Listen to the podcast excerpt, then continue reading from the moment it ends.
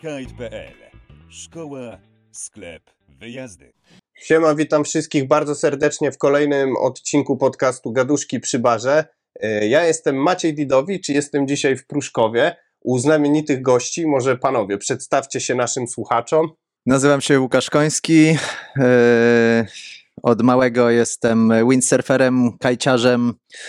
Pływam na supie, generalnie zajawka na falę, yy, którą zaszczepił yy, ojciec, dystrybutor Cabrini, yy, no i surfer z zawodu. I tata. Cześć, ja się nazywam Jacek Koński. No i w skrócie powiem, że jestem papą tego obok siedzącego Łukasza, który w zasadzie opowiedział wszystko już o niemalże o naszej historii w kilku słowach. E, Spotkaliśmy się tutaj dzisiaj ze względu na to, że jesteście osobami e, z bardzo dużą historią. Inaczej, zapisaliście na kartach historii polskiego kitesurfingu i nie tylko, ogólnie sportów wodnych, się no, sporymi literami. E, Mianowicie, tak jak wspominałeś, multisportowa, jeśli chodzi o sporty wodne, rodzina. Dodatkowo prowadziliście przez długi czas szkółkę na Helu, o czym na pewno sobie porozmawiamy. Dokładnie to było na kempingu Małe Morze. E, Do tego jeździcie kamperami po świecie w poszukiwaniu fal i jak udało mi się dowiedzieć, tymi kamperami zajawiliście się już bardzo, bardzo dawno. Można powiedzieć, że to były pierwsze kampery m, Na Helu. na Helu. I dodatkowo prowadzicie dystrybucję związaną z wieloma sportami wodnymi, więc tematów jest cała masa. Zacznijmy może od historii. Jak to się stało, że y, spotkaliście się z, ze sportami wodnymi? Oj, to historia jest trochę śmieszna, bo oczywiście yy, wzięło się to tak zupełnie przypadkiem. Pojechaliśmy sobie na Mazury i moja żona yy, już była taka zdegustowana siedzeniem na plaży i mówi, wreszcie byśmy coś porobili. I wyciągnęliśmy z hangaru, yy, to był ośrodek Biedronka nad... Bajka, Bajka, statek Biedronka był, który tam pływał. Ośrodek Bajka nad Jeziorem Drwęckim, był hangar i w tym hangarze leżała taka deska augustowska, drewniana, czerwony, pomalowany farbą na czerwono kadłub, z prześcieradła uszyty żagiel. No i oczywiście nikt z nas nie miał pojęcia, do czego to jest. Poprosiliśmy ratownika, wyciągnął nam to na wodę, zaczęliśmy tam coś próbować i to był pierwszy krok, pierwszy, pierwszy krok y, nasz, y, to były lata, nie wiem, początek lat 80. 87, 87. Nie, no wcześniej dużo. Dużo wcześniej, 82, trzeci, jakoś tak. Czyli Łukasz wtedy był dosłownie szkrabem. Łukasz był szkrabem, on miał wtedy tam, nie wiem, roczek dwa, jakoś tak, bo przecież Łukasz jest rocznik 82, no więc to było jakoś tak, miałeś rok wtedy, o. Czy mieszkaliście wtedy w Pruszkowie jako rodzina? Y, Nie, nie, nie. Mieszkaliśmy wtedy w Opaczu, niedaleko. Mhm. Y, Teraz aktualnie mieszka tam Łukasz, w domu rodzinnym naszym i tak mieliśmy zupełnie inne pomysły na życie, nic wspólnego ze sportem.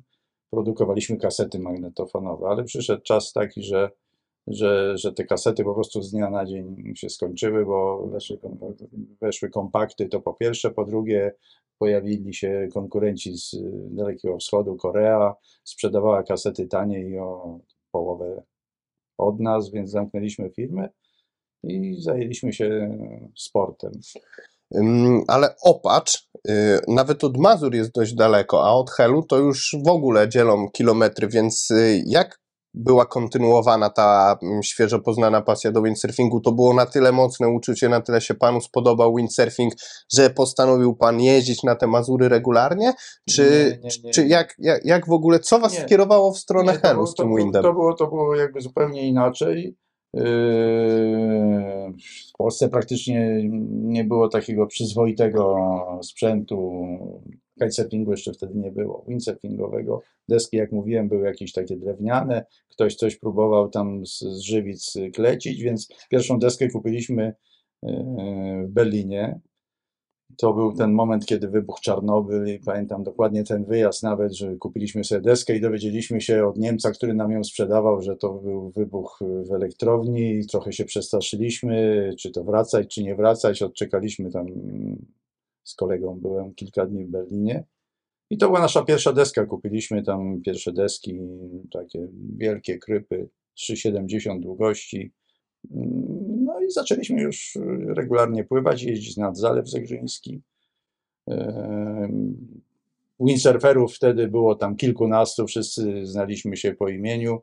E, No, super atmosfera, naprawdę to był piękny czas. No i oczywiście byliśmy zajarani tak. E, Ela, która tutaj siedzi niedaleko, nie widać jej, pracowała wtedy w naszej firmie i były takie dni, że klienci przyjeżdżali, a nazywało się to akcja Wicher, to znaczy, że wtedy my byliśmy nad zalewem.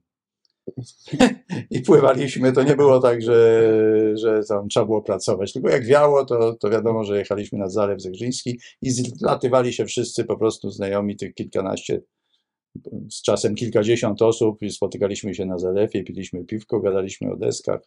Piękne czasy. Y, Ustawialiście się wtedy za pomocą telefonów po prostu, czy było wiadome, że jak jest prognoza, to się Nie, no, spotka jak się kolegów? ruszały y, liście na drzewach, to jechaliśmy wtedy, to nie było jeszcze telefonów komórkowych.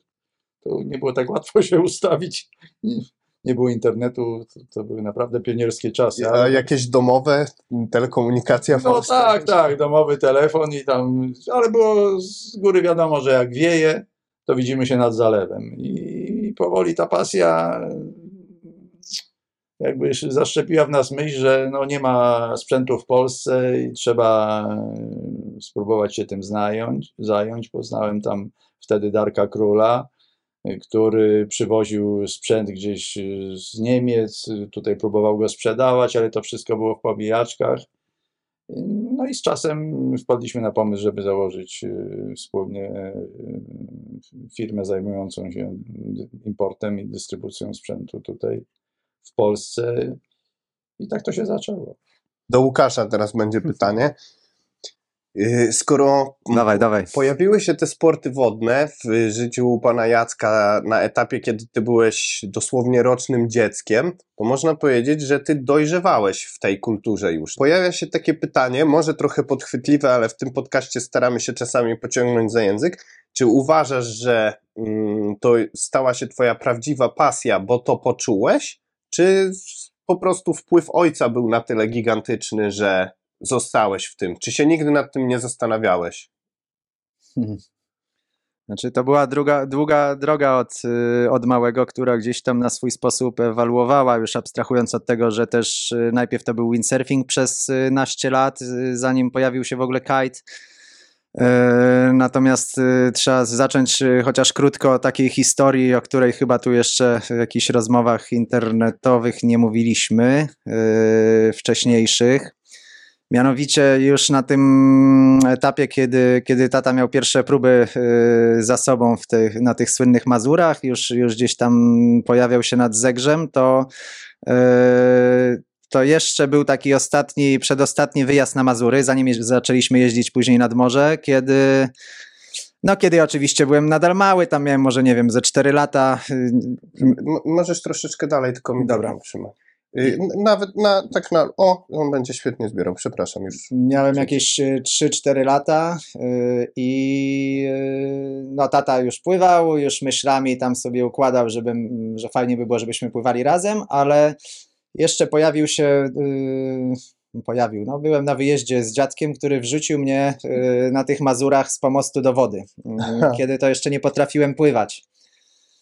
No i y, taka, taki był mój jeden z pierwszych kontaktów z wodą, że po prostu y, spanikowałem, nie chciałem wchodzić do wody. Dziadek mnie skutecznie przestraszył na jakiś dłuższy czas. No i tata był trochę podłamany, bo sam pływał na windsurfingu, już myślami gdzieś tam pływał razem ze mną.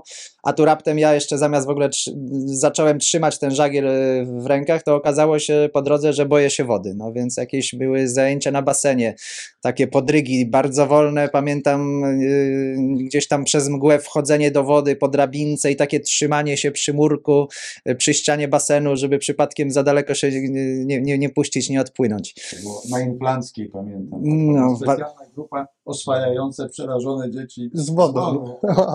A, to fajnie, No. naprawdę. Polecam.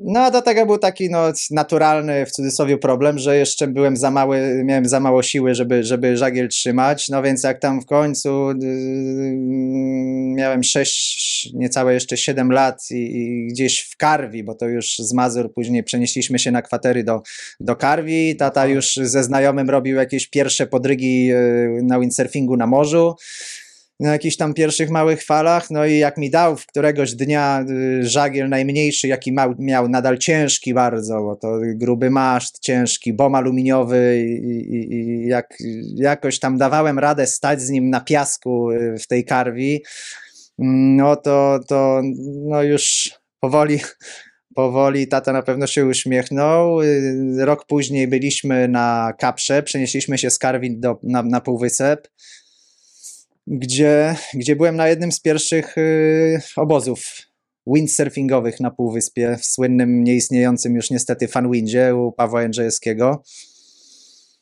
No i to tak pokrótce, może nie wiem, teraz się nie rozwodząc, później no, pojawił się kite, natomiast jeszcze może o tej zajawce, jednak w sumie to było clue pytania. Tak. Trudno powiedzieć, no wiesz, to tak jakby przede wszystkim byłem bardzo młody, więc w ogóle na przykład dla mnie radością yy, yy, przez ten pierwszy, tam nie wiem, drugi sezon, jak byliśmy na Półwyspie, to było to, że ja z drugim kolegą odpływam sobie, nie wiem, dosłownie parę metrów od brzegu i, i robimy sobie wojnę na meduzy raptem, tak?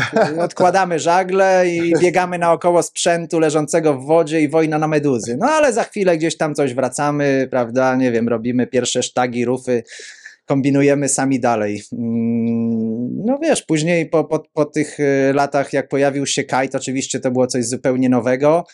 Y, Ja na początku strasznie nie chciałem tego kajta dotykać, y, no ale w związku z tym, że byliśmy na ferie na Teneryfę, gdzie były bardzo słabe prognozy na, na windsurfing, na wave, to, to jednak się zdecydowałem. I No, generalnie jakby taką naszą spajającą te wszystkie deskowe sporty yy, zajawką było pływanie na falach. To, to jakby pamiętam, że, że od początku mnie to kręciło. I y, tu też się pojawia pytanie. Mm, Ja jestem adeptem winda na bardzo tam prostym poziomie pływam. Potrafię pływać w ślizgu, nie robię rufy. Dosłownie takie podstawy tego Mhm. już ślizgowego pływania. Natomiast jak y, ta zajawa we mnie w ogóle powstawała, to kolega Bartek Zastawny, z którym pracowałem wtedy w Easy Surf, jego tata prowadził szkółkę, może ją kojarzycie, ona się Surf Magic nazywała. Jest oczywiście, że tak. Nasze. Tak, to Bartek mi powiedział kiedyś coś takiego, jak y, widziałem, że oni idą z chłopakami na morze pływać, brali zestawy całe i tam y, szli się taklować po stronie Z windsurfingiem. z windsurfingiem, to się go zapytałem, czy to jest trudne? I on powiedział tak, jak masz swój zestaw pierwszy, taki, który się nadaje do pływania na morzu, to najlepiej przygotuj sobie walizkę, w której będziesz miał pieniążki na drugi zestaw, bo prawdopodobnie skończy się twoja nauka na falach tak, że będziesz musiał sobie No. albo deskę, albo masz, albo najczęściej masz żaglem kupić, e, bo jest to na tyle trudne na początku. I teraz, mówiłeś, że mm, musiałeś oswoić się z wodą. Tutaj pojawiły się, pojawiła się ta historia, że te pierwsze zestawy to miały aluminiowe maszty i tak dalej. To chyba nie było sprzyjające środowisko, żeby uczyć się wave'a, czyli pływania na falach, a jednak dopięliście swego i może opowiedzcie trochę o tych początkach. Czy, I proszę o szczere odpowiedzi. Czy dużo pieniędzy poszło na naprawy sprzętu przez naukę na falach? Ja jakoś tego tak, tak bardzo źle nie wspominam, y, żebyśmy nałamali, Łukasz, nie wiem, tych masztów czy żagli.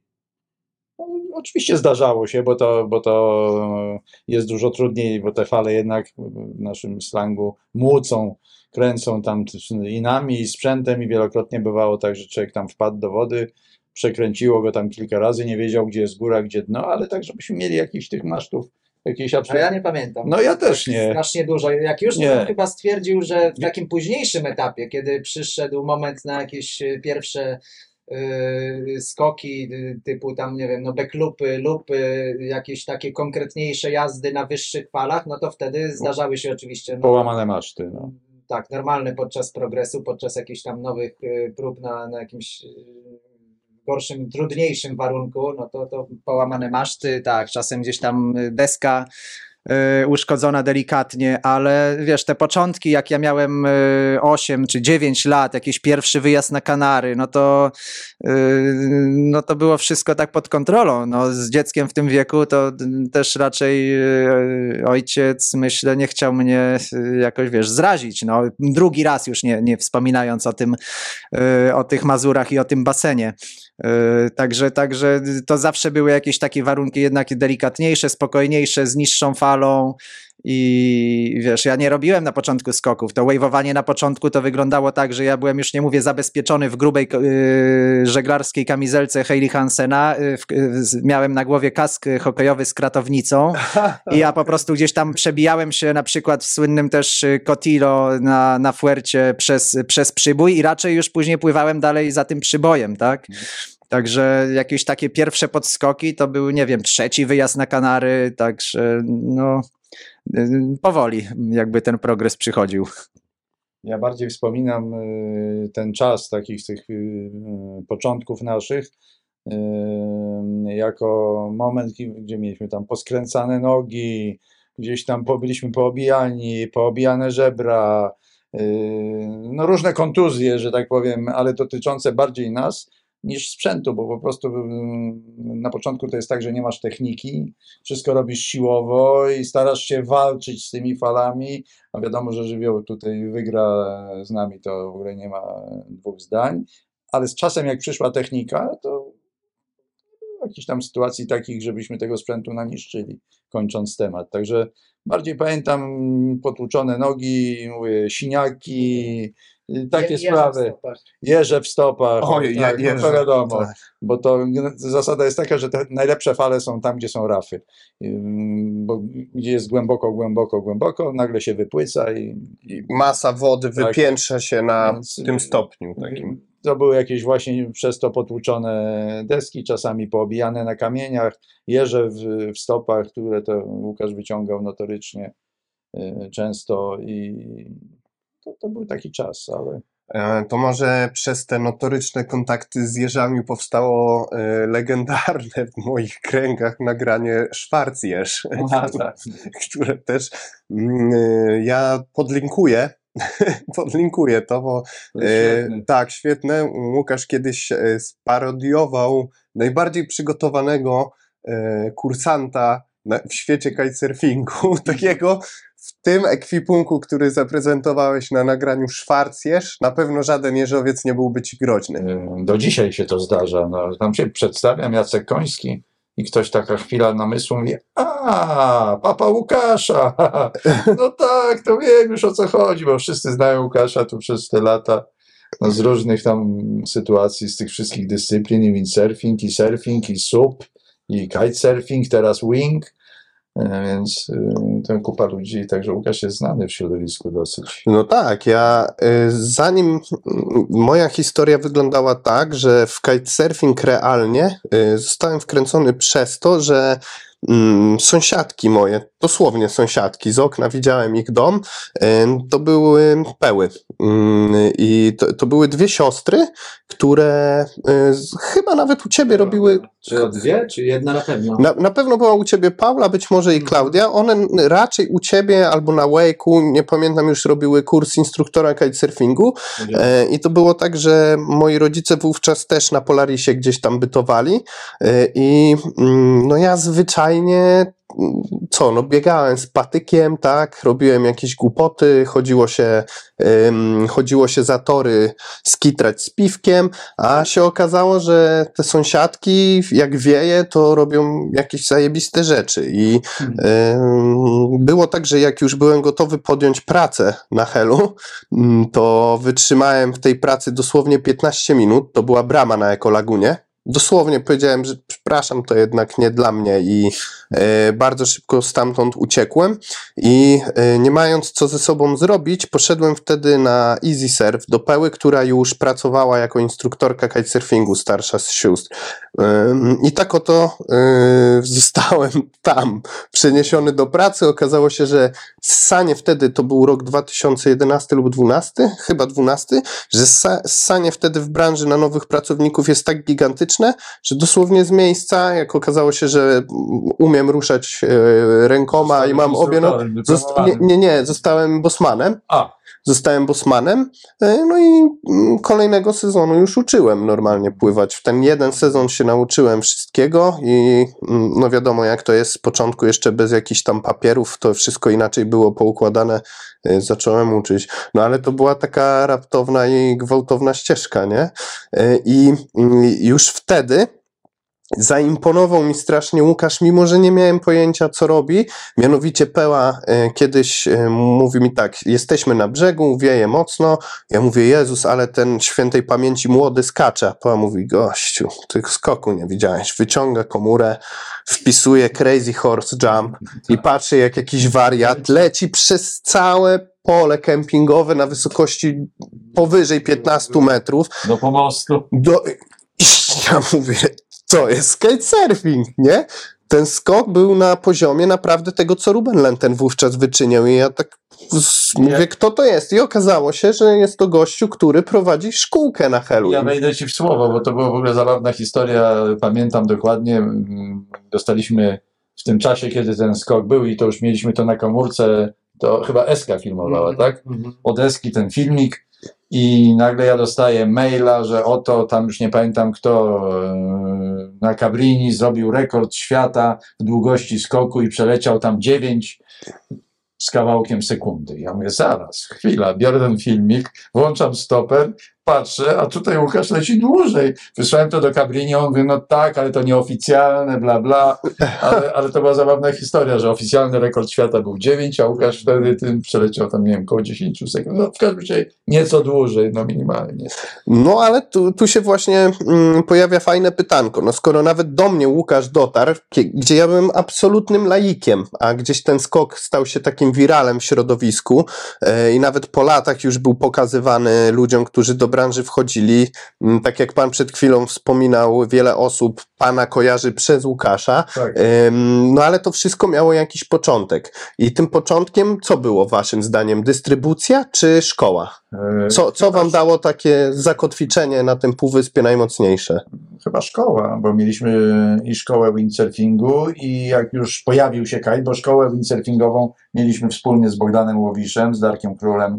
Ym, Bogdan prowadził tą szkołę, a my dostarczaliśmy sprzęt. To były jeszcze czasy windsurfingu, lata 90., tak? I w momencie, jak pojawił się kite, to był rok 2000, powiedzmy z grubsza, no to zaczęliśmy się zastanawiać, mimo że jakoś nie byliśmy przekonani, że to będzie tak wspaniały sport i będzie miał taki zasięg, że, że, no, że trzeba tam być, tak, z jakąś szkołą. I Łukasz zainstalował się na małym morzu, no i zaczął samodzielnie jakby prowadzić y, już y, tą szkołę kajta, tak, to był rok Mhm. 2001, Tak. pierwszy. No i tak to się zaczęło. W 2001 roku. Tak. Szkoła nazywała się Boards and Kite, tak? Board Bo, Board and Kite. Mm, I sk- Jednoosobowa działalność. sk- skąd się ten kite wziął? Jak wy trafiliście na deskę z latawcem? Wiemy już, że jesteście windsurferami, ale Nie no okej, to mieli, byliśmy dystrybutorem, y, tutaj przedstawicielem firmy Neil Pride na Polskę. To była no, w ogóle topowa, najlepsza firma na świecie, y, produkująca y, żagle windsurfingowe i nie tylko, cały sprzęt do windsurfingu. I oni jakby, y, jako ta wielka firma światowa, dogadali się z, z Pete Cabrinią i rozpoczęli produkcję latawców, więc siłą rzeczy z automatu te latawce trafiły w nasze ręce do naszej dystrybucji. Obok windsurfingu mieliśmy tutaj nowy produkt y, w postaci kitesurfingu, który pojawił się w firmie. Y, Ludzie zaczęli o to pytać powoli, nie, nikt nie potrafił na tym pływać i stąd urodził się pomysł, żeby Łukasz właśnie y, zajmował się tu szkoleniem. jak, jak wyglądały, Łukaszu, twoje początki yy, na kajcie? No to było na Teneryfie, o której już wspominaliśmy yy, parę minut temu. Yy, szczekaliśmy na wiatr i tata mówi, no to dawaj może na tego kajta już, bo to tam wiało coś w granicach jakichś 12-14 węzłów, ale to daleko do tego tak, żeby, żeby pójść i mieć dobrą sesję yy, na windsurfingu na falach. No i tak posiedziałem dzień czy dwa, mówię, no dobra, idę. E, uczył mnie też taki lokal z e, shaper, shaper desek e, z Teneryfy wtedy. No wiedział, że pływam na windsurfingu i to tak powiedzmy już troszkę, troszkę lepiej, że nie jestem jakimś amatorem ledwie przepływającym przez przybój, także też ten kurs zrobił mi tak trochę powiedzmy w przyspieszonej opcji, bo postaliśmy jakieś 40 minut na plaży już z latawcem pompowanym na długich linkach, Ciach, ciach, y, bo, jakieś pierwsze body dragi y, do wody, na, na lekkim offshore w ogóle, za, za górą w Medano. y, To jedyne, jedyne co, że, że było tam spokojnie, byliśmy w zasadzie sami. Natomiast y, no tak odważnie, bo y, coś, jak coś by mi się stało, nie wiem, ten kite by wpadł do wody, poplątał się jakiś dwulinkowy tak stary nesz, y, no to nie wiem, on musiałby po mnie płynąć w pław. Ja bym też nie miał pojęcia do końca, jak te linki zwinąć, jak to ogarnąć, jak się dostać na brzeg, ale jakoś się udało. No nie, tak strzelam może trochę. Po jakichś maksymalnie trzech godzinach poszliśmy na pierwsze starty z deską i to poszło bardzo szybko, pamiętam, z tego względu, że y, pierwsze kroki miałem na takiej desce, jak, jak za tobą stoi, tutaj ta w środku, 7,9, czyli no ponad 2 metry Mhm.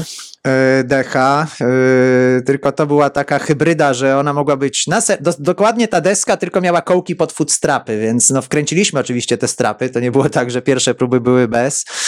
Y, Ale dzięki temu to chcę powiedzieć, y, ta deska jakby była duża, y, z tymi strapami ustawionymi jak dwa z przodu, jeden z tyłu, no to była dla mnie taka pozycja jak na windsurfingu, no oswojony z wiatrem jakby byłem, wiedziałem co to jest 10 węzłów, a co to jest 25, jakieś niby nie żagiel, a, a latawiec gdzieś tam parę ładnych metrów ode mnie, ale no jakoś pamiętam, że w miarę szybko to poczułem. I, i dzień później czy dwa, jak nadal słabo wiało, nie dało się pływać na windsurfingu cały czas y, na wave'ie, no to, to, to męczyłem tego kajta, robiłem takie dosłownie downwindy powiedzmy z zatoki y, Cabezo dla tych, którzy byli y, do, do, do Medano na Teneryfie. Mm, no i później co? Majówka, bo to, było, bo to było gdzieś tam na ferie zimowe, majówka już na Półwyspie, czy jakaś Wielkanoc, y, już y, na, na naszych pierwszych kabriniach CO2. Tak, w międzyczasie się pojawiły, tak. Słuchajcie, ciekawostką było w ogóle jeszcze to, że w ogóle nie było deski pod tytułem Twin Tip, takiej powiedzmy snowboardowej, Symetryczny. symetrycznej, tylko pi- pierwsze nasze w ogóle pływania to były na deskach kierunkowych, takich jakby małych deskach surfingowych. Było bardzo ciężko robić wysokość, to w ogóle nie, nie chciało przy słabym wietrze pływać pod wiatr tylko pływaliśmy cały czas downwindy, downwindy, downwindy, kontrolowaliśmy latawiec, ale nie mogliśmy robić wysokości. A potem, chyba po roku, dwóch, może to była rewolucja, bo pojawiła się deska właśnie typu Twin Tip. I, i wtedy ten y, kitesurfing dopiero eksplodował, bo to wcześniej to była taka walka o życie. Było bardzo, bardzo trudno i tych y, kajciarzy było też niewielu zapaleńców, którzy się męczyli, tak? Bo to były początki, sprzęt był słaby, dwulinkowy, nie było regulacji mocy. Yy, Jak wpadł do wody, to już w zasadzie był koniec pływania, także te, te to był naprawdę sport ekstremalny. Warto mm, przyjrzeć się nawet historii kitesurfingu i kiedy spojrzymy na kolebkę, e, czyli Hawaje, e, tam właśnie między innymi Pete Cabrinia brylował wraz z Robineszem, z e, Flashem i z całą śmietanką towarzystwa, to ci goście to byli po prostu napakowani Tak. surferzy z bardzo dużym backgroundem windsurfingowo-surfingowym. Ym, Mało powiedzieć, że to byli wymiatacze, to byli pionierzy wręcz tych dyscyplin i y, ja mam tu pewne skojarzenie, którym już kiedyś mówiłem w rozmowie prywatnej z Łukaszem, mianowicie poczyniłem y, na swoim blogu Kiteline taki konkurs dotyczący Cabrini ze względu na to, że w odcinku o legendach y, kitesurfingu opisywałem sylwetkę Pita Cabrini. No i nie sposób jest nie zobaczyć pewnych podobieństw pomiędzy waszą rodziną a Pitem Cabrinią, no bo tak, gościu teraz pływa na wingu, wcześniej pływał na kajcie, a jeszcze wcześniej mm, y, rozwijał mm, te to łapy na windsurfingu. Y, Za skuterami jako jeden z pierwszych na świecie ciągał się na gigantyczne fale, między innymi Jaws na Hawajach, czyli no fale, które są wielkości domu rodzinnego, nawet wyższe. U ciebie, patrząc na twój y, przykład, czy również pana Jacka, no to bardzo podobna ścieżka gdzieś, kiedy mm, teraz wam się przyjrzeć, no to już przekrojowo te sporty, ale kiedy wing wchodził do Polski, bardzo byliście tym wingiem zajawieni, dalej zresztą jesteście. Wcześniej właśnie, kiedy ja zaczynałem swoją przygodę z kite'em, to mm, postać Łukasza była taką, taką legendą już polską, a jak się mm, zagłębiało w tę historię, to się okazywało, że tym backgroundem jest ten background windsurfingowy. Tak. Co ciekawe, wy handlujecie również sprzętem Pita Cabrini. Mm, No jest to taka fajna korelacja i mm, teraz pytanie y, z natury tych podchwytliwych. Łukasz, y, jestem czarodziejem. Strykam palcami i znikają wszystkie dyscypliny sportów wodnych poza tą, którą wybierzesz. Musisz zostawić jedną dyscyplinę w jednej odmianie. Co byś zostawił?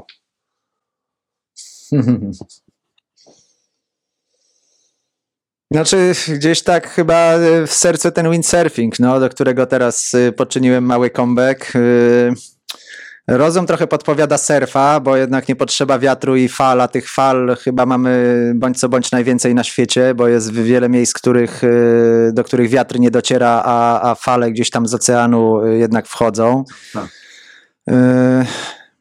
Y, No, gdyby, gdyby jednak wiało, to nie wiem, coś ostatnio poczułem z powrotem magicznego do, do, do, do windsurfingu i ta, ta jazda na fali, kiedy trzymasz y, żagiel, bom tutaj blisko siebie, gdzie masz bardzo dużo też y, moż, możliwości jakby manewrów na, na, na, na falach. y, No plus oczywiście skoki, y, tak, no to jest y, mega, mega zajawa też, że wychodzę, jak ja to mówię, w cudzysłowie z zabiórka po pół roku, po, po dwóch latach niepływania i mogę na pierwszym halsie zrobić salto do przodu na windsurfingu i to niemal z zamkniętymi oczami, tak? To nie jest tak, że muszę się nie wiadomo jak rozpływać, rozskakać. Yy, Na kajcie y, wyobrażam sobie, że jakbym teraz poszedł, zwłaszcza na jakiś bigger, to na pewno bym potrzebował ze dwóch, trzech dni wiatru. No tylko zrób to, jak y, wiatr kończy ci się u nas często po pierwszym dniu, wieje jeden dzień, nawet jakieś tam 30 węzłów i tyle. I możesz za miesiąc popływać, y, nie wiem, czy za dwa tygodnie najwcześniej znowu. Jeżeli nie pojedziesz gdzieś za granicę, mm, już nie mówię o jakichś handlepasach nawet nisko, ale triki na powerze z innej beczki, no też y, są to rzeczy bardzo, bar, bardzo techniczne. No fajne jest to, ktoś powie, że nie potrzeba fal, tak jak do windsurfingu, do wave'u, mm, że może na, na płaskiej wodzie sobie trenować, czy freestyle, czy bigger, czy tam, nie wiem, podczepić foila mm, do kajta. No ale do brzegu, Mm. jedną dyscyplinę musisz wybrać. Męska decyzja teraz. Wing, kite, y, wind y, czy surf? Wing na pewno nie. Okej. To rzucamy jako pierwsze, ponieważ dochodzę do wniosku po już, no nie wiem, będzie jakichś czterech latach, że jeżeli ktoś nie wkręca się, nie ma zajawki, nie widzi się yy, yy, no, w skakaniu na wingu, nie ma, nie ma pomysłu na to, żeby ćwiczyć jakieś tam triki freestyle'owe, już nie mówię w powietrzu, bo na płaskiej wodzie też jest troszkę do zrobienia, ale no wing, mówiąc krótko, yy, może się znudzić według mnie. Okej. Chyba, że ktoś jest fanatykiem fal i będzie po prostu jeździł po świecie. Domu windy sobie robił Tak. ze skrzydełkiem w Tak. ręku. ale też w porównaniu do windsurfingu, czy nawet do surfingu, yy, do kitewave'a, yy, no to, to, To nie jednak, No jednak to nie odrzucamy winga. Zostają nam trzy dyscypliny. Musisz wybrać jedną, naprawdę. To jest. Pana Jacka też czeka odpowiedź na to pytanie, ale jedna. Co kolejne odrzucamy? Słuchaj, nie wiem, a może no niech będzie ten surfing w takim razie. No. Zostawiasz ser. Tak, bo nawet widzę się na tym surfingu jako stary dziadek, ledwie chodzący, położę się na brzuchu i, i sobie popływam. Bodyboarda. Po No. prostu tak, y, czy wezmę bodyboarda, duży longboard, a z windsurfingiem wyobrażam sobie, że już mogą mieć tak strzykać plecy, nie wiem, ręce, że, że nie będę miał siły żagla trzymać, a, a ten surfing taki powiedzmy, ja zasadniczo bardzo mało surfuję i, i gdzieś tam, czy na jakichś nawet dłuższych wyjazdach do Brazylii, jakieś epizody surfingowe też były, yy, wiesz, no na różnych wyjazdach, czasem na Cabo teraz, yy, yy, ale, ale mm, no czuję, że to generalnie może być taki sport, który będę uprawiał będąc, będąc dziadkiem, tak? O. Super. Może Poproszę, wtedy nadrobię. poproszę teraz o odpowiedź na to samo pytanie No. pana Jacka.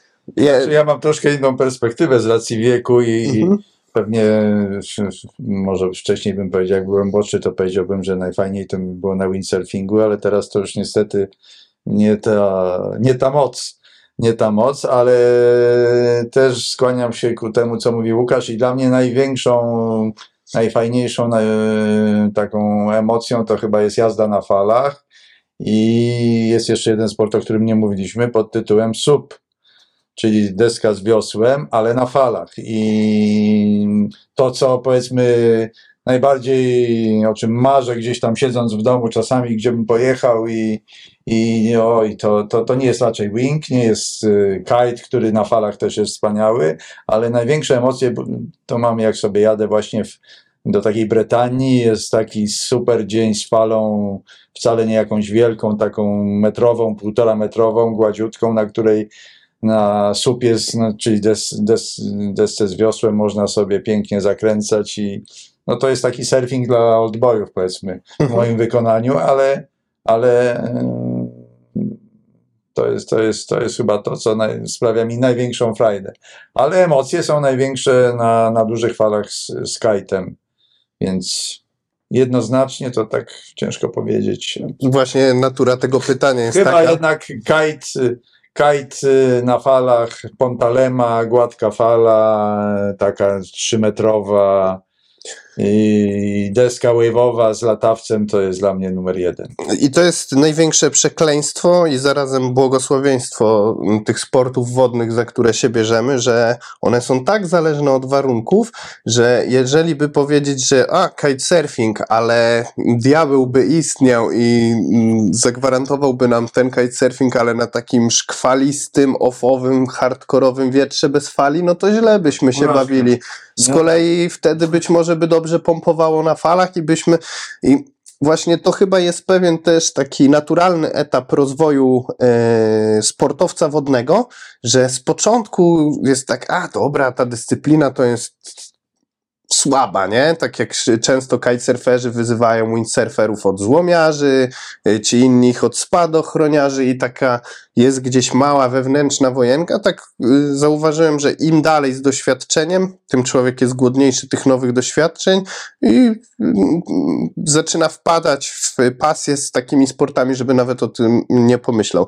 Więc to pytanie miało na celu z was wydobyć tą taką prawdziwą miłość, ale widać, że wy po prostu kochacie wodę specjalnie na falach. Fale, fale. Tak. fale. Ym, Dobra, wróćmy.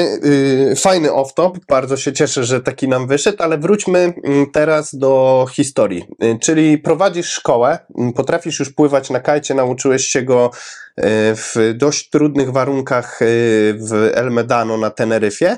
No i co, przyjeżdżasz z tym doświadczeniem do Polski i jak wygląda bycie też jednym z pionierów zakładania działalności takiej w Polsce? No bo nie oszukujmy się, już szkoły istniały, ale było ich na palcach dwóch rąk policzyć. Jak, jak to się stało, że mm, czy to było ciężkie? Jakie, jakie wyzwania cię czekały, żeby to zrobić? Pamiętasz? Jak ta ścieżka wyglądała? Czy to była trudna? No, ja bym powiedział, że to mm, było takie hmm, podejście troszkę bezstroskie na początku, e, w takim sensie, że ja miałem dziew- 19 lat, no może już nie 14, ale, ale, ale nie 30. Wtedy e, w tych czasach jakby nie zastanawiałem się w ogóle, że może trzeba pójść, już nie mówię do urzędu morskiego, z kimś o czymś porozmawiać, że tu chciałbym prowadzić jakieś zajęcia, tak. Yy, Aiko to chyba jeszcze nie istniało, jeszcze to było tam kilka, nie wiem, dwa, trzy lata zanim, zanim zostało założone Aiko. No generalnie była to też swojego rodzaju wolna amerykanka, czy tam w szkółce, nie wiem, która już miała jakieś zaplecze, biuro, przechowalnie i 20 latawców, czy, czy, czy 10. Ja zaczynałem, y, pamiętam, z czterema latawcami może, yy, gdzie miałem po sztuce w rozmiarze i yy, nawet nie mieliśmy żadnego biura, dosłownie ten sprzęt trzymałem u byłej teściowej e, w przedsionku, pamiętam. To było też na takiej zasadzie, że to jeszcze nie była oficjalna szkółka, ale na przykład e, zapraszaliśmy e, naszych ówczesnych dealerów ze sklepów windsurfingowych, że może chcieliby spróbować, to mogłem ich tam powiedzmy pouczyć, coś im pokazać. Nauczyłem swoją pierwszą dziewczynę, znaczy jedna z pierwszych kursantek też to była moja dziewczyna, wtedy Ewa e, i mm, no jacyś tacy pierwsi znajomi, ktoś przyszedł z kempingu, z przyczepy obok, jak to się mówi, i żeby mu może pokazać, że chciałby tego kajta spróbować. E, I tak po roku czy po dwóch, no była jakaś taka mała, nazwijmy, ewolucja. Już po, postawiliśmy mm, takie zaplecze y, szkółki 3 na 3 ze słynnej y, y, płyty OSB, czyli w takim kaszubskim, władysławowskim stylu typowo. E, Też chyba już poprosiłem jakiegoś pierwszego kolegę, którego tam rok czy dwa lata wcześniej nauczyłem pływać na kajcie, żeby mi pomógł, że może chciałby posiedzieć sezon ze mną i, też poszkolić. No jakoś tak małymi krokami nazwijmy, inaczej krótko, że, że zaczynało to wyglądać, nabierać jakichś kształtów. Ale to był rozwój organiczny w pełni, czyli, że tak powiem, każdy szczebel, każdy krok y, przechodziłeś sam. Y, nie było tak, że posiłkowałeś się wiedzą jakiegoś innego specjalisty, sam uczyłeś się i wdrażałeś rozwiązania w y, prowadzenie tego, tak? No i byłem bosmanem, instruktorem, biurową yy, i nie wiem jeszcze. Ja powiem krótko, że nie było wtedy od kogo się uczyć. Tak naprawdę to, to byliśmy tutaj no, Mm, mm, pionierami, prawda? Byliśmy pionierami tutaj, było, mówię, raz, dwa, trzy, może cztery szkółki w Polsce kajtowe i, i, i to było fajnie, bo ja pamiętam, Łukasz kiedyś miał wypadek na rowerze, miał usztywnioną szyję, nie mógł uczyć, to przychodził tam, nie wiem, Igor Czernik czy Donat z konkurencyjnej szkółki i pomagali mu, bo Łukasz akurat miał dzisiaj instruktor, yy, kursanta, tak? No więc jak była taka okazja, to, to, to, to, no to trzeba było go uczyć. I także to były takie fajne czasy. Ta konkurencja była taka sympatyczna i do dziś tam miło, mam nadzieję, wszyscy to e, wspominamy, ale mm, no, uczyliśmy się sami na swoich błędach, reasumując. A pan podejmował się jakiejś e, pomocy przy prowadzeniu tej działalności? Szko- y, szkolił pan też kursantów, czy nie? Nie, nie, nie. No to, to może przez chwilę tam, jak, jak była ta sytuacja, że Łukasz nie mógł, tak? Mhm. Ale tak normalnie to starałem się tam nie wtrącać, po prostu tylko dostarczaliśmy tu z firmy z Pruszkowa sprzęt. A to syn pana nauczył pływać? Tak, oczywiście, że tak. Okej. To, to właśnie było śmiesznie, że ja go nauczyłem na windsurfingu, a on nie na kajcie.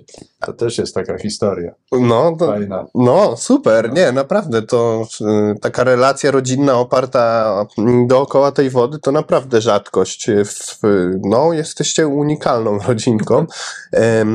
I mm, pojawi się tu pytanko, y, czy już wtedy, na tamtym etapie korzystaliście z dobrodziejstw kamperów? Czy pojawiło się to później? Tak, tak. No niemal od początku. Okej, Może, może nie na Mazurach, bo tam mieszkaliśmy, wiadomo, w domkach z płyty paździerzowej, yy, ale, ale no, pierwszy wyjazd do Francji, pierwszym kamperem, to jakieś początki, nie wiem, 90, 92, pierwszy. Ja pozwolę Początek lat sobie w tym, 90.. y, w tym momencie pójść po pomoc dydaktyczną na potrzeby tego materiału. Tak, tak. Proszę panowie, trzymajcie y, tutaj do, y, do tej kamery. Najlepiej byłoby to pokazywać. Y, I teraz tak, y, przygotowałem tutaj y, y, tą pomoc, którą od Was dostałem, bo stwierdziłem, że do odcinka jak znalazł się to przyda, żebyśmy w tym miejscu wykorzystali. E, Prowadzicie już działalność, znamy mniej więcej Wasz background dotyczący tych e, sportów wodnych mm, i obecnie w e, świadomości takiego przeciętnego mm, e, mieszkańca miasta właśnie gdzieś surfer, kitesurfer kojarzy się z tym, że mm, można wskoczyć do domku na czterech kółkach, jeździć po wybrzeżu i szukać warunków. Gdzieś te media społecznościowe pchają, czy reklamy usilnie taki wizerunek. Natomiast to nie było zawsze takie oczywiste. Można powiedzieć wręcz, że wy byliście pionierami w tej dziedzinie.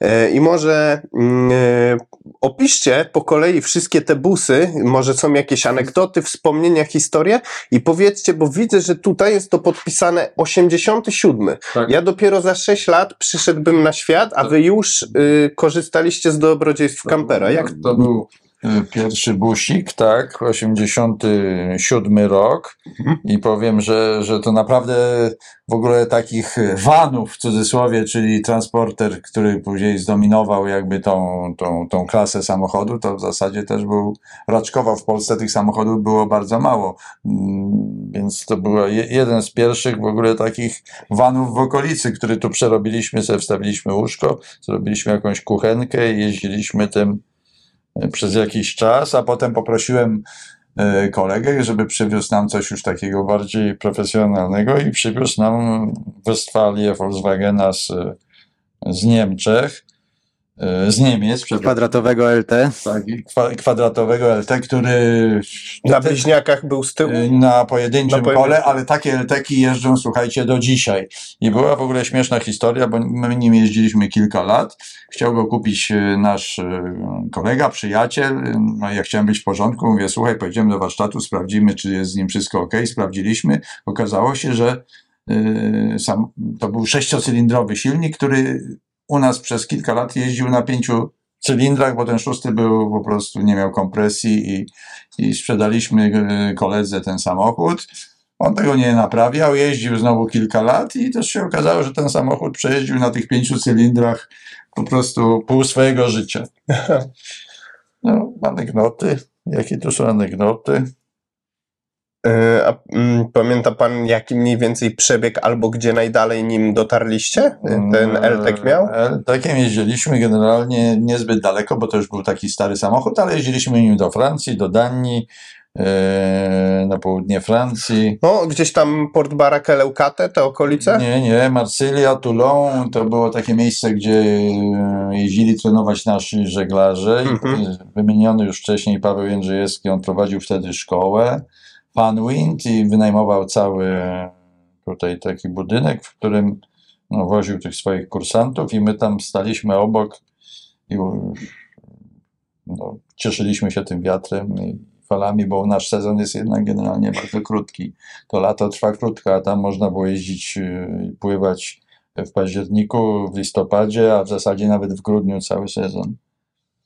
Także najwięcej kilometrów przejechaliśmy tym. 350, 340 tysięcy dokładnie.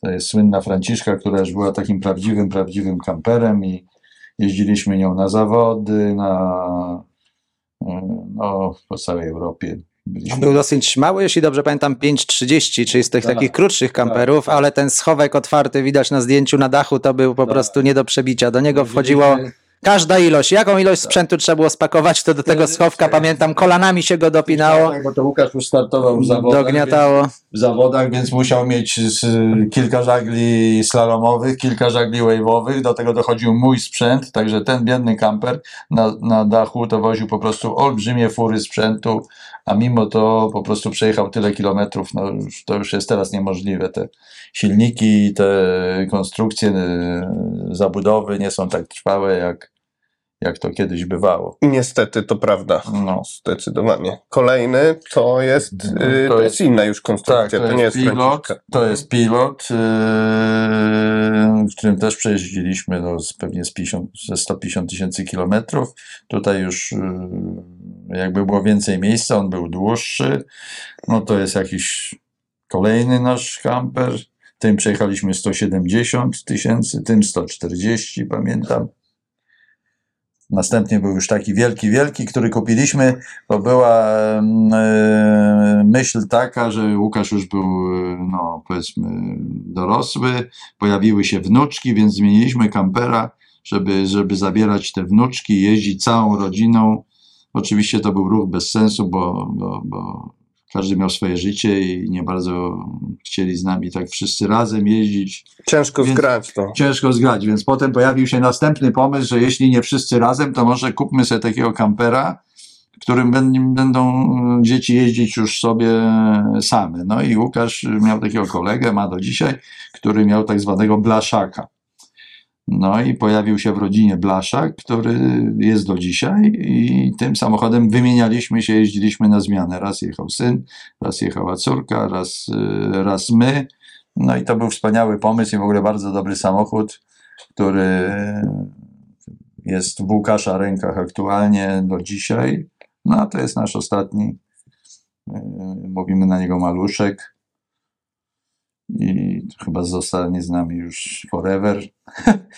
Jeszcze z tych dobrych samochodów. A jaka to marka? To jest Renault? To, to jest hobby na Renault. Okej, to jest hobby na To Renault. były, wszędzie były jeszcze stare, dobre silniki, natomiast to, co teraz, te wszystkie normy ekologiczne, No niestety. to jest katastrofa. Ja mam z tym małą anegdotę, No. e, który teraz e, u Łukasza e, siedzi. Mianowicie kiedyś jechałem z ówczesną dziewczyną złapać prognozę wiatrową i na wysokości Pucka mm, mijałem tego kampera. Tak, Obracam się, mówię, ty, to jest konia, konia kamper. tak. E, Chwyciłem za telefon i dzwonię, mówiąc tak, siema Łukasz, y, weź tam piankę ogarnij, bo wjedziesz z tyłu na wieszaku, piankę łopocze ci się Zapomniał. suszy, to pan zapomniał. To ja! Tak, Łukasz mówi, stary, ale ja jestem w Pruszkowie, tata jest tym kamperem teraz.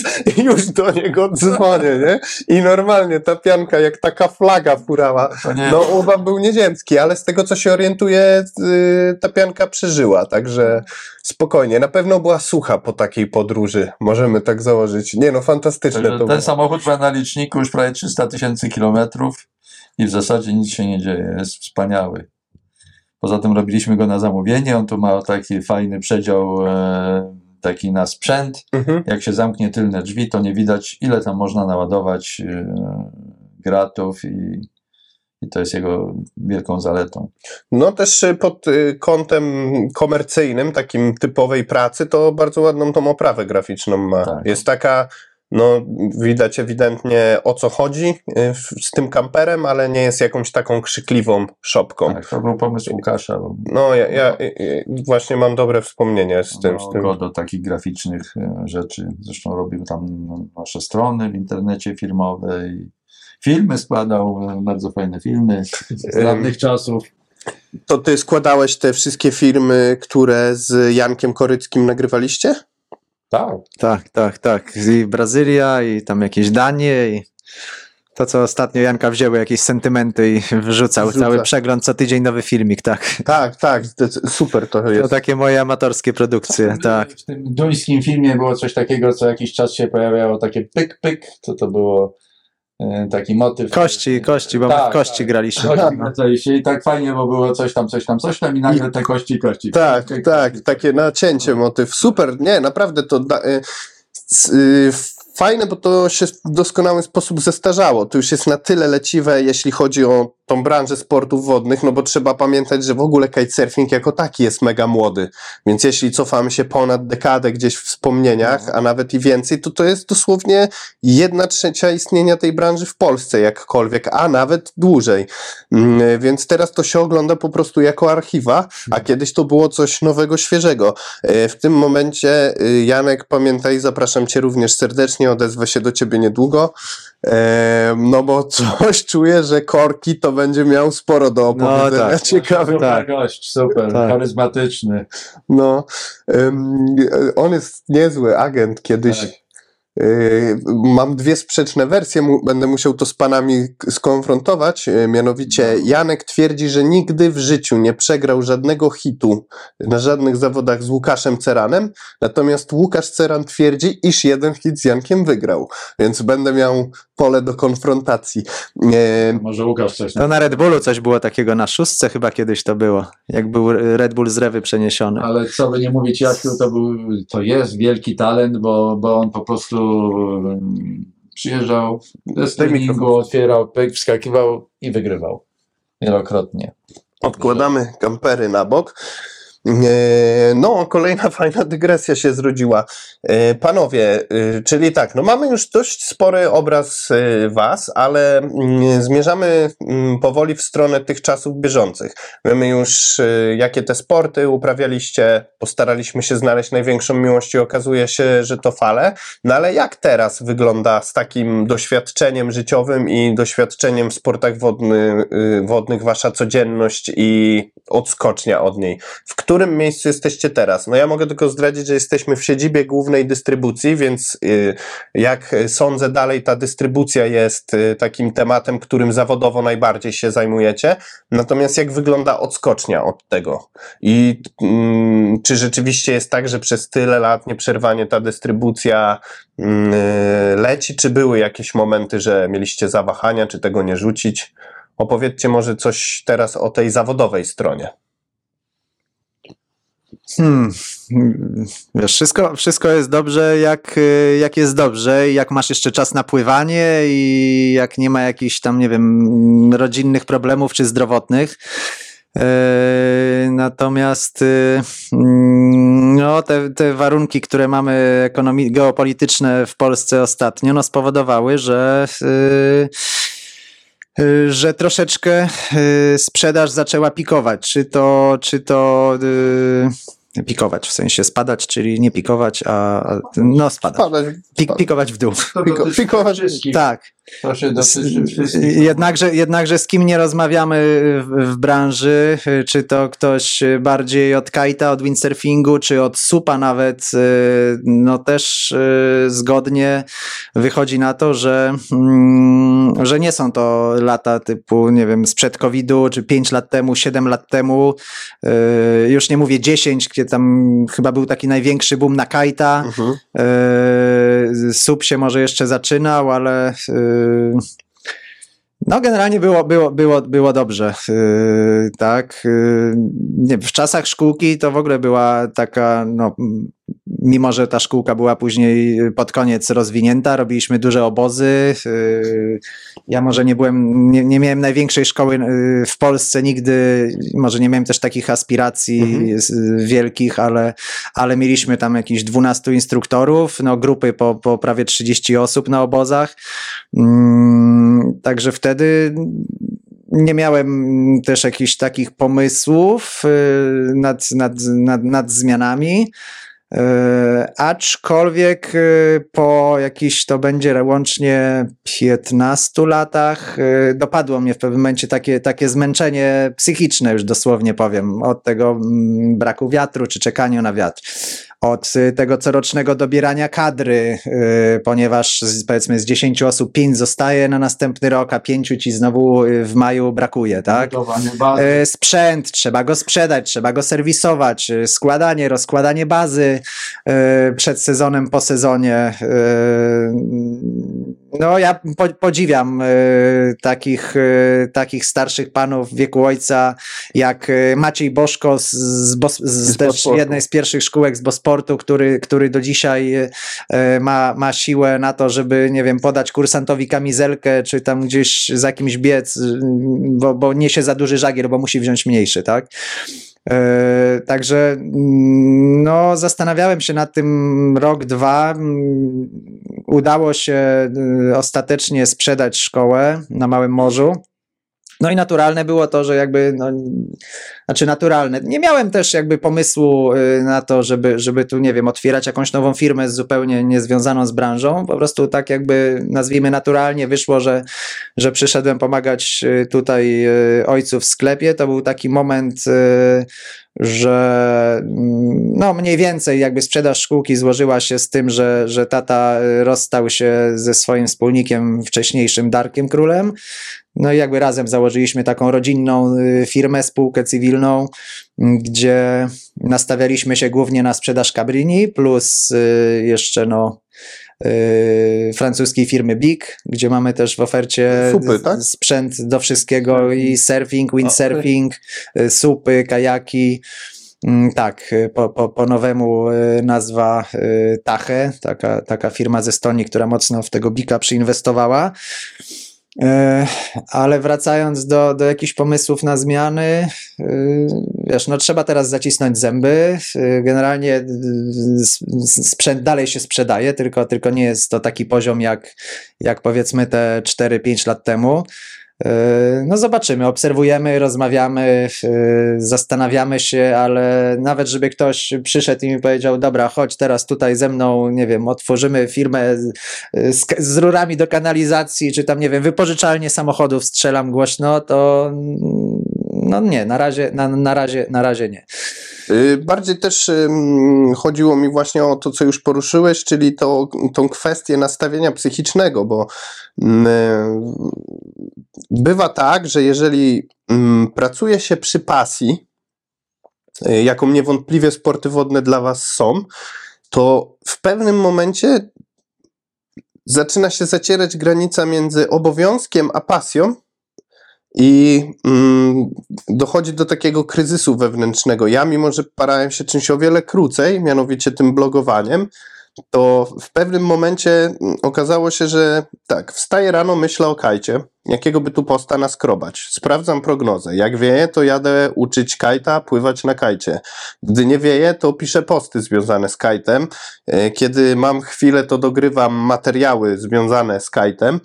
Em, Czy miałeś dosyć kajta? handluję kajtem, prawda? Gdzieś tam ktoś chce coś kupić, to oczywiście, że pomogę. Wszystkie te sponsoringi związane z kajtem. E, Dodatkowo to miejsce, czyli półwysyp, który od lat po prostu kopiuj w klej, ta taśma jest e, grana. No bo dla kogoś, kto tam przyjeżdża odpocząć, to jest zawsze coś nowego, natomiast dla osoby w branży jest to kolejny sezon. Po prostu, nie oszukujmy się. Więc nawet z, o wiele krócej czymś się zajmując, w pewnym momencie mm, miałem taki dzień, że usiadłem na łóżku i mówię, cholera, czy to jest dalej moja pasja, czy to już jest praca? I musiałem wdrożyć pewne rozwiązania, które tą higienę psychiczną mi pozwoliły zachować. Mianowicie, na przykład teraz już dbam bardzo o to, żeby niektóre dni wieczne brać zwyczajnie ofa. Nie ma mnie wtedy dla kursantów, bo, akcja no tak, bo, bo, bo też y, jeżeli im zależy na tym, żeby ze mną mieć szkolenie, bo wiedzą, że jakiś tam poziom prezentuję, dobrze tego kajta wykładam, no to też ważne jest, żebym sam zadbał o ten swój poziom na wodzie. I dopiero kiedy rozgraniczyłem w pewien sposób robotę od tej pasji, to mi ta zajawa wróciła. No to był szereg małych kroków, takich jak ustalenie godzin pracy bloga, czyli jeżeli wpada mail lub telefon o, nie wiem, 19 w piątek, to mówię, przepraszam, skontaktujemy się w poniedziałek od godziny 9 rano, nie? Ym, I, I mimo, że sezon nie lubi takich wyrzeczeń czasowych, bo sezon jest krótki i sezon chce, żebyśmy cały czas to to, to jednak y, to dopiero pozwoliło to wypalenie zatrzymać i wrócić ze świeżą energią. I zastanawiam się, jak wy po tylu latach, y, czy, czy, czy ilość takich kryzysów była duża, czy, czy jednak cały czas znajdujecie gdzieś w sobie tą siłę i czy nie uważacie, obaj panowie, że w pewien sposób praca przy dystrybucji zabiera trochę takiej pasji. Znaczy, dwa takie punkty, które chciałbym poruszyć.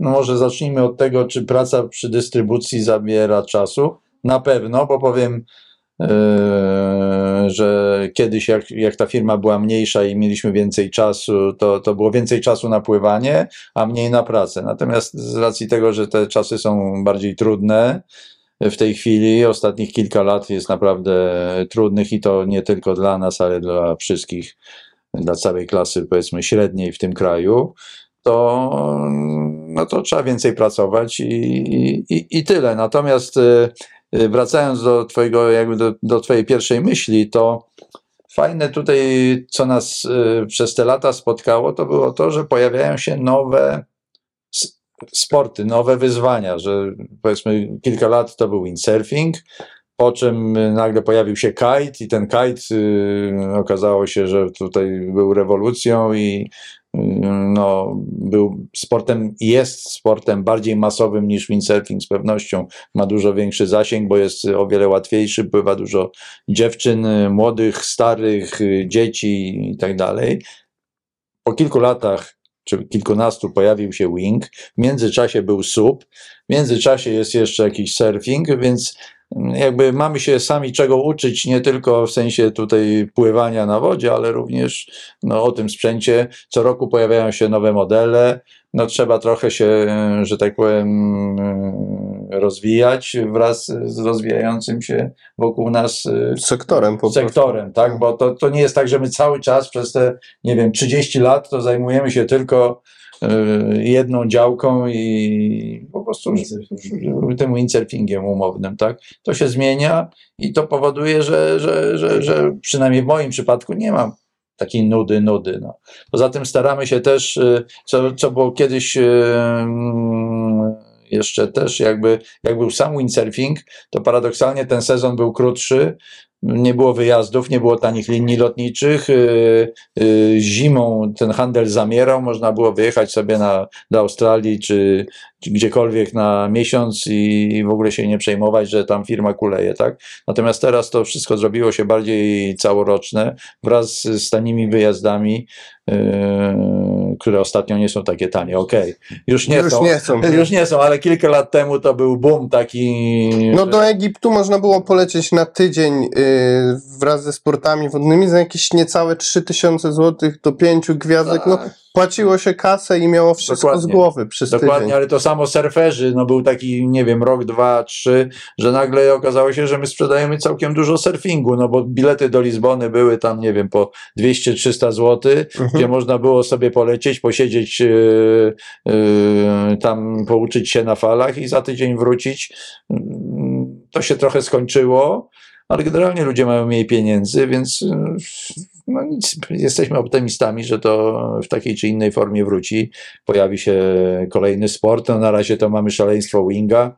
Yy, Wszyscy się uczą na wingu i także ciągle coś się dzieje. O tak, ja o sobie mogę powiedzieć, że chyba się nie wypaliłem. Może nie mam już tyle siły co kiedyś, tyle energii, bo kiedyś było tak, że człowiek tutaj po całym tygodniu ciężkiej pracy wsiadał w kampera, jechał na, nie wiem, do Łeby, czasami na jeden, na dwa dni i wracał na poniedziałek tutaj, bo musiał być w pracy i, i była na to siła. Teraz już jakby, no, Łukasz przejął więcej obowiązków w firmie, więc ja mam siłą rzeczy więcej czasu i jest trochę łatwiej, ale nie mam tyle siły, żeby to robić tak intensywnie jak, jak kiedyś. A czy wyobraża pan swoją emeryturę taką już w pełni, kiedy odda pan stery Łukaszowi, czy mm, gdzie indziej wasze życie pokieruje właśnie dalej w kamperze z jakimś zestawem do sportów wodnych? Oczywiście, tylko.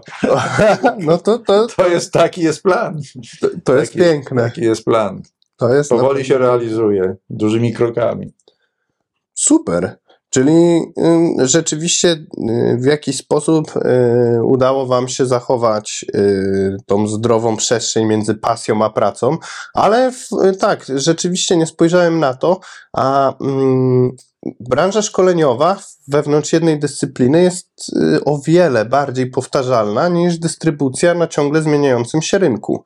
Mimo wszystko sama charakterystyka mm, y, czasów, w których żyjemy, powoduje to, że trzeba reagować, no i to jakieś nowe wyzwania rzuca. A ty, Łukasz, emerytura teraz, jakbyś y, miał myśleć o przyszłości odległej jeszcze, ale to też dalej widzisz siebie s- w jakimś kamperze na falach, Cabo Verde, coś takiego? No, różne są pomysły. Mój taki na, na dzisiaj wymarzony to jest y, może nie pół roku, ale, ale kilka miesięcy na, na tym Cabo Verde, albo może trochę tu, może trochę u jakiegoś znajomego na Kanarach, który gdzieś tam kupił y, mm, parę, mm, parę ładnych metrów y, działki i, i będzie coś budował, więc już się śmiejemy, że będziemy akurat tam tą godzinkę z Cabo na Kanary lecieć. E, trochę tu, trochę tu. Mm, Natomiast e, lato raczej fajne by było tutaj bardziej lokalnie, no, żeby, żeby e, może pojeździć kamperem e, trochę więcej niż, niż teraz, pojechać sobie, nie wiem, nawet na miesiąc do Danii czy do, czy do Brytanii, z Brytanii przestawić się do Portugalii, może trochę surfa, może trochę kajta, windsurfingu, zobaczymy. E, że Generalnie nie wyobrażam sobie raczej takiej wersji, żeby wyjechać z Polski gdzieś w ogóle niemal na stałe, no bo jednak chciałbym mieć kontakt z córami, e, które tutaj e, mam w Warszawie i no ktoś tutaj będzie musiał tym naszym budynkiem też się opiekować, jak taty zabraknie i ale, ale na wodzie, ale ile starczy mi sił, na ile, ile będę mógł sobie pozwolić, e, to, to, to, to nie wyobrażam sobie, mm, żeby, żeby nie łapać fal raptem, że nie wiem, rok, dwa, trzy, nie mówię, raptem przestaję pływać, bo, bo, bo nie mogę, no to jest jakiś najczarniejszy scenariusz już na dzisiaj w ogóle nie, niewyobrażalny. Mm, No to super, że ta pasja jest dalej w planach, ale pojawia się inne pytanko. To, co robicie, to jest ogromna ilość pracy, no bo to jest dystrybucja, wcześniej ta szkółka, samopływanie. Naprawdę można powiedzieć, że jesteście sportowcami wodnymi na pełen etat i jeszcze z pasji. Ale mm, macie może jakieś inne zajawki, y, hobby poza tym? Nie wiem, tak egzotyczne mogą być jak y, zbieranie znaczków, ornitologia, albo coś bardziej przyziemnego jak rower. Macie jakąś odskocznię od tej wody? No u mnie to będzie nazwijmy takie trochę majsterkowanie, trochę teraz z angielskiego ładny skrót DY. Yy, Wyszło tutaj po sprzedaży szkółki, że mm, gdzieś tam mi troszkę brakuje takiego budowania, yy, wkręcania śrubek yy, Prac manualnych. w, drewno, tak i jakby yy, w miejsce tej szkoły, powiedzmy teraz w cudzysłowiu, mam yy, taką swoją działeczkę y, 40 kilometrów od Warszawy z, małą, z małą chatką, gdzie no, dwóch lat, y, czy od roku, przepraszam, nie, nie, dopiero od, od, od, roku, drugi sezon, Mhm.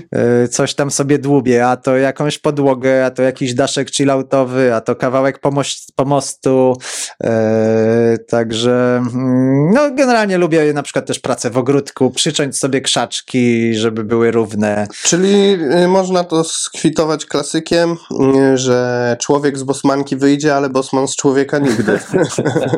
Dokładnie. A, a pan, panie Jacku, jakieś, y, jakieś hobby, pasje? Ja się wkręciłem ostatnio w rower i jeździmy codziennie niemalże na rowerze z żoną. Mhm.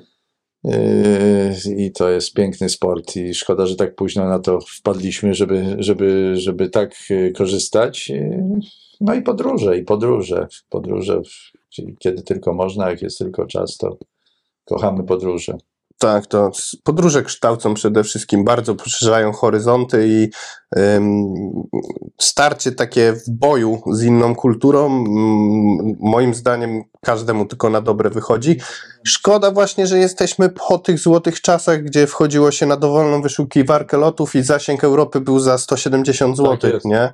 E, Teraz niestety to się zrobiło troszeczkę droższe, ale ja również wszystkie wolne środki staram się przeznaczyć na podróże i mm, tu znowu mm, wyjdę ze swojego przykładu, żeby was o coś zapytać. Mm, Też raz y, pomyślałem nad tym, że kurde, dużo osób mówi, ale ty masz klawe życie, widać to po Facebooku, jeździsz, podróżujesz, nie? Jak tam jest? E, Po pierwsze, no na mediach społecznościowych wiadomo, jak to wygląda. Nie wrzuca się ciężkich chwil, tylko te mm, wszystkie przyjemne, bo pracę mamy w sektorze jakby nie było turystyczno-sportowym, ale to, co najbardziej mnie uderzyło, to co ja mam właściwie powiedzieć, jak jest. I tak dochodzę do wniosku, no byłem we Włoszech, byłem, fajne plaże mają w tych Włoszech, byłem w Czarnogórze, byłem w Albanii, byłem w Chorwacji, fajne mają bardzo plaże. W Egipcie byłem, świetna plaża jest w Egipcie, naprawdę fantastyczna. Na Teneryfie, Sardynii przepiękne plaże mają i tak i w pewnym momencie doszedłem do wniosku, że ja nic nie widziałem, nie?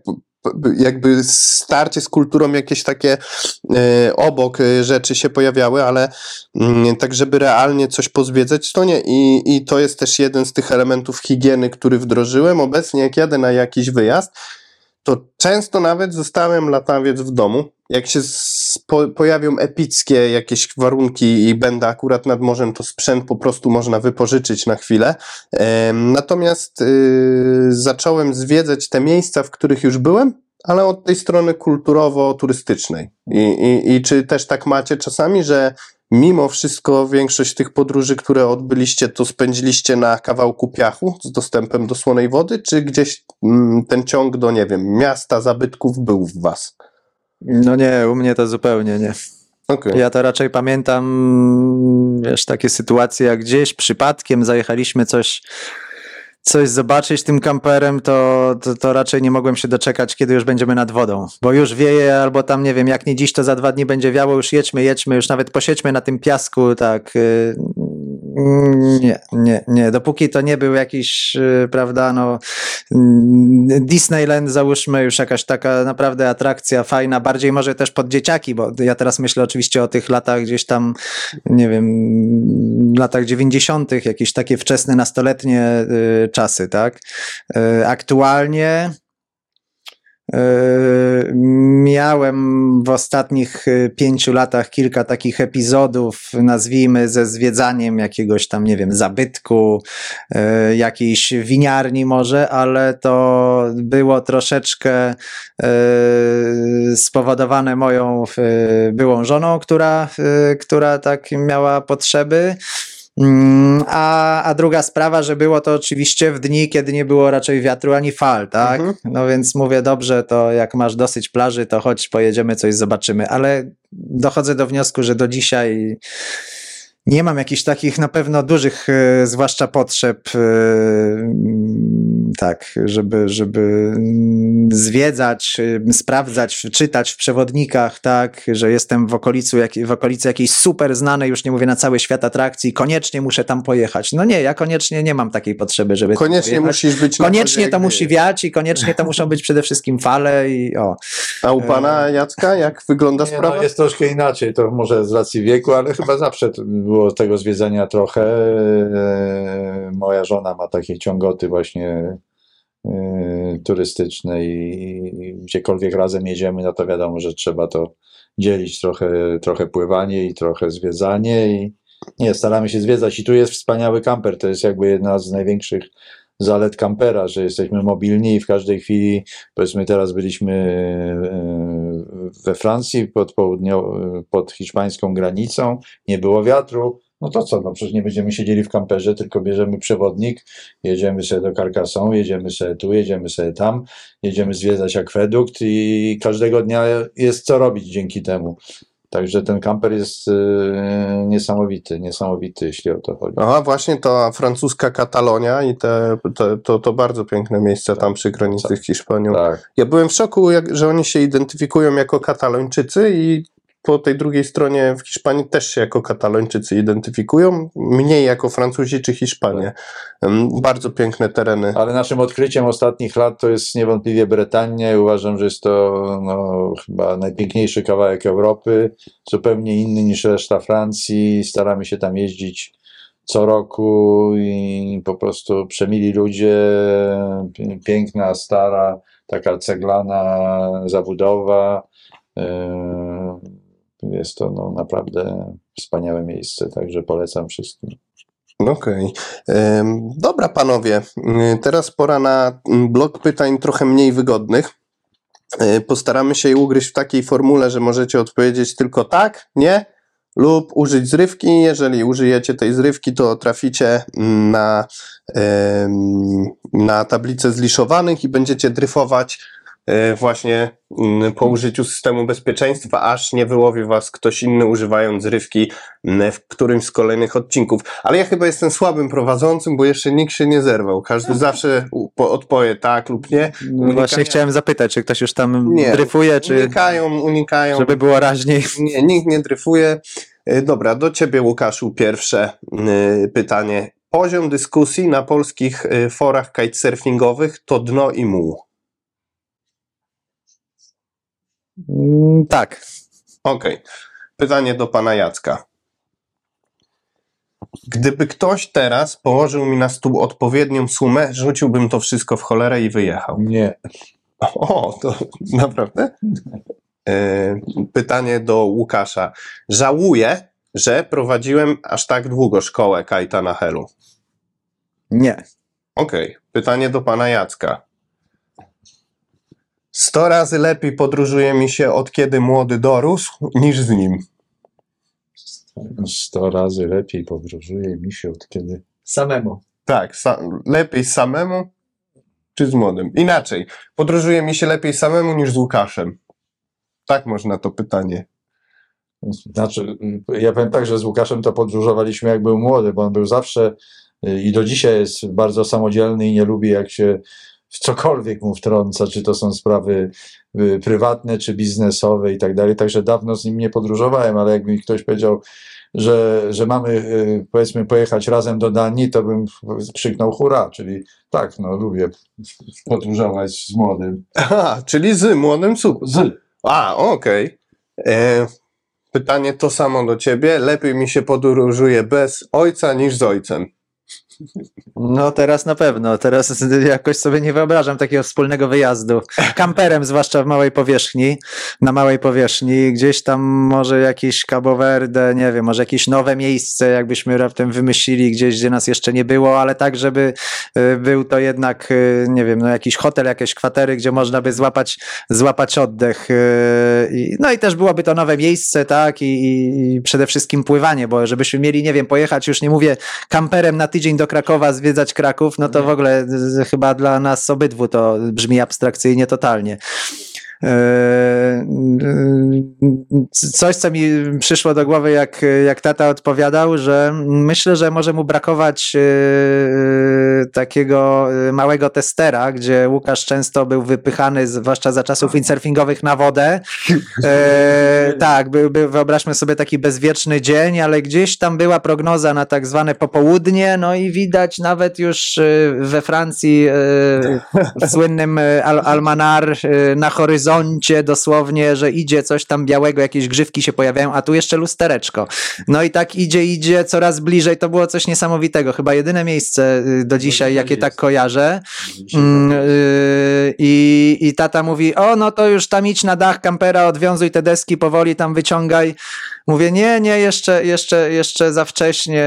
Zobaczmy w ogóle, niech to wejdzie, niech ten wiatr tutaj zawieje do końca i no i tak bywało różnie. Czasem bywało tak, że ten wiatr wchodził, no więc było, było super, ale bywało też, pamiętam tak, że trzeba było ten sprzęt y, zdjąć, rozłożyć wszystko, gdzieś tam do, donieść do plaży, wyjść na wodę i robiłem y, pięć halsów lewo-prawo. Okazało się, że ten wiatr tylko nas tam y, Czyli- na, na, nabrał, że nic z tego nie było. Tata po prostu suchutko na brzegu, sucha pianka, nawet nie dotknął, nie, nie kiwnął palcem, no może tam mi, nie wiem, pomógł deskę zdjąć z kampera, a, a ja po prostu urobiony, spocony w tej piance, bo to czasem jeszcze słońce, prawda, wiatr tak zawiał, że, że, że, że, że siadł, więc ugotowany w tej piance z jakiejś i o, Czyli tacie brakuje przedskoczka. tak, O, bo- tak, tak, czasem tak.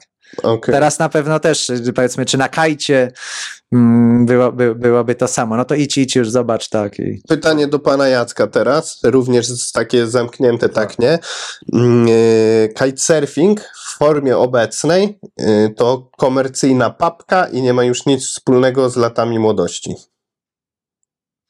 Chyba nie. Chyba nie, no bo ja wiem, czy to komercyjna papka zawsze jest, no, nawet dla nas, no to ten kite na falach to jest zawsze jakaś super, super zabawa i, i adrenalina, także nie, nie. Jeszcze jedno pytanie do pana, wtedy przekażemy dopiero mikrofon. Jestem już zmęczony półwyspem. No tak, to zdecydowanie, to, to, to nie ma dyskusji. Pytanie do Łukasza. Mm, bardzo, bardzo różnie. Y, Tak, nie lub zrywka. y, tak. Okej, to był krótki blog, no nie udało się zerwać. Ja jestem po prostu za dobrym prowadzącym. Y, Będę musiał z tobą pogadać y, na osobności, kiedy wyłączymy kamery, to może uda mi się znaleźć jakiegoś haka na Janka. Taki jest y, plan. Mm, y, I o, w ogóle wiem, drugiego Janka też muszę zaprosić Lisewskiego, z kolei Kamel y, z Red Season mi obiecał, że na niego mi pomoże parę haków wydobyć, więc panowie Jankowie, uważajcie na was, będę testował nową, Dzięki, bardziej radykalną formułę tego programu. To, to będzie jedyne pytanie dotyczące, że tak powiem, takiej bieżączki rynkowej.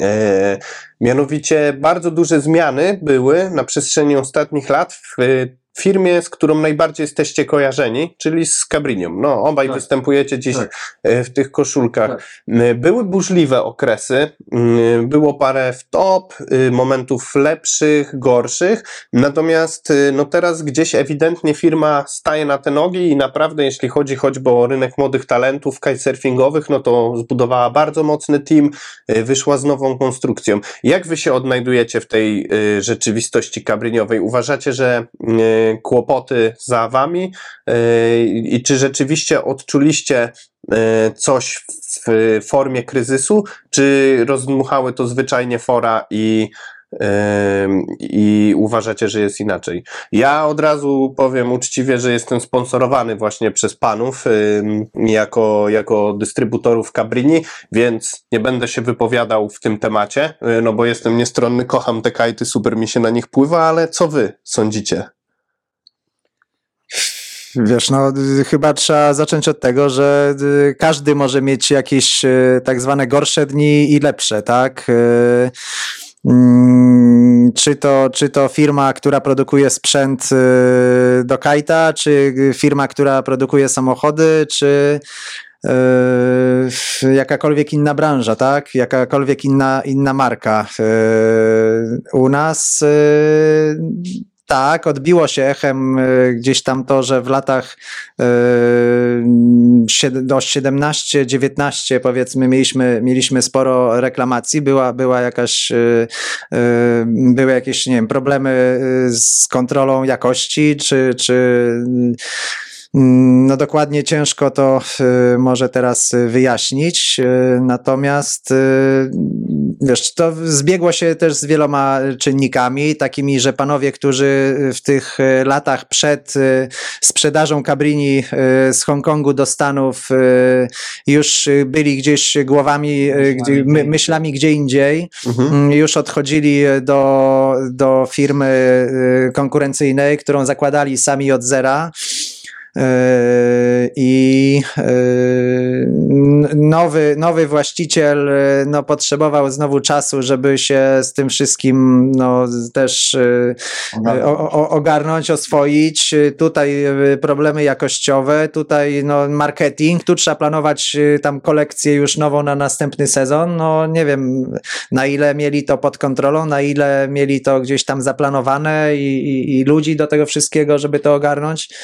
Yy, Teraz yy, już po jakichś ilu, trzech, czterech latach yy, od, od tych zmian właścicielskich, no to wygląda to naprawdę bardzo dobrze. Yy, Co mi, co mi przychodzi do głowy, że no sz, sz- szkoda, że ten epizod po drodze yy, był i, i że no na pewno trochę klientów przez to straciliśmy. Ale liczymy teraz, że na tej dobrej fali yy, wznoszącej yy, jednak parę, parę, parę osób do nas wróci z powrotem tutaj w Polsce też. A, o, tutaj w Polsce też. Ja jeśli mogę kilka słów, to, to znaczy tak, trochę znaczy zmieniła się, zmienił się właściciel firmy, i z, zmieniła się jakby też trochę struktura i cały model powiedzmy dystrybucyjny w związku z tym, że y, y, poprzednio Kablinia była y, częścią dużej grupy pod tytułem Pride Group, gdzie był Neil Pride, y, to, czyli ta słynna firma windsurfingowa, JP, słynna des, y, firma, która produkuje deski windsurfingowe y, i częścią grupy była Cabrinia, siedzibą firmy był Hongkong, fabryki w Chinach i tak dalej. Ta, ta grupa cała się, że tak powiem, rozpadła. Y, Właściciel, y, pan Pride, y, Neil Pride przeszedł na emeryturę.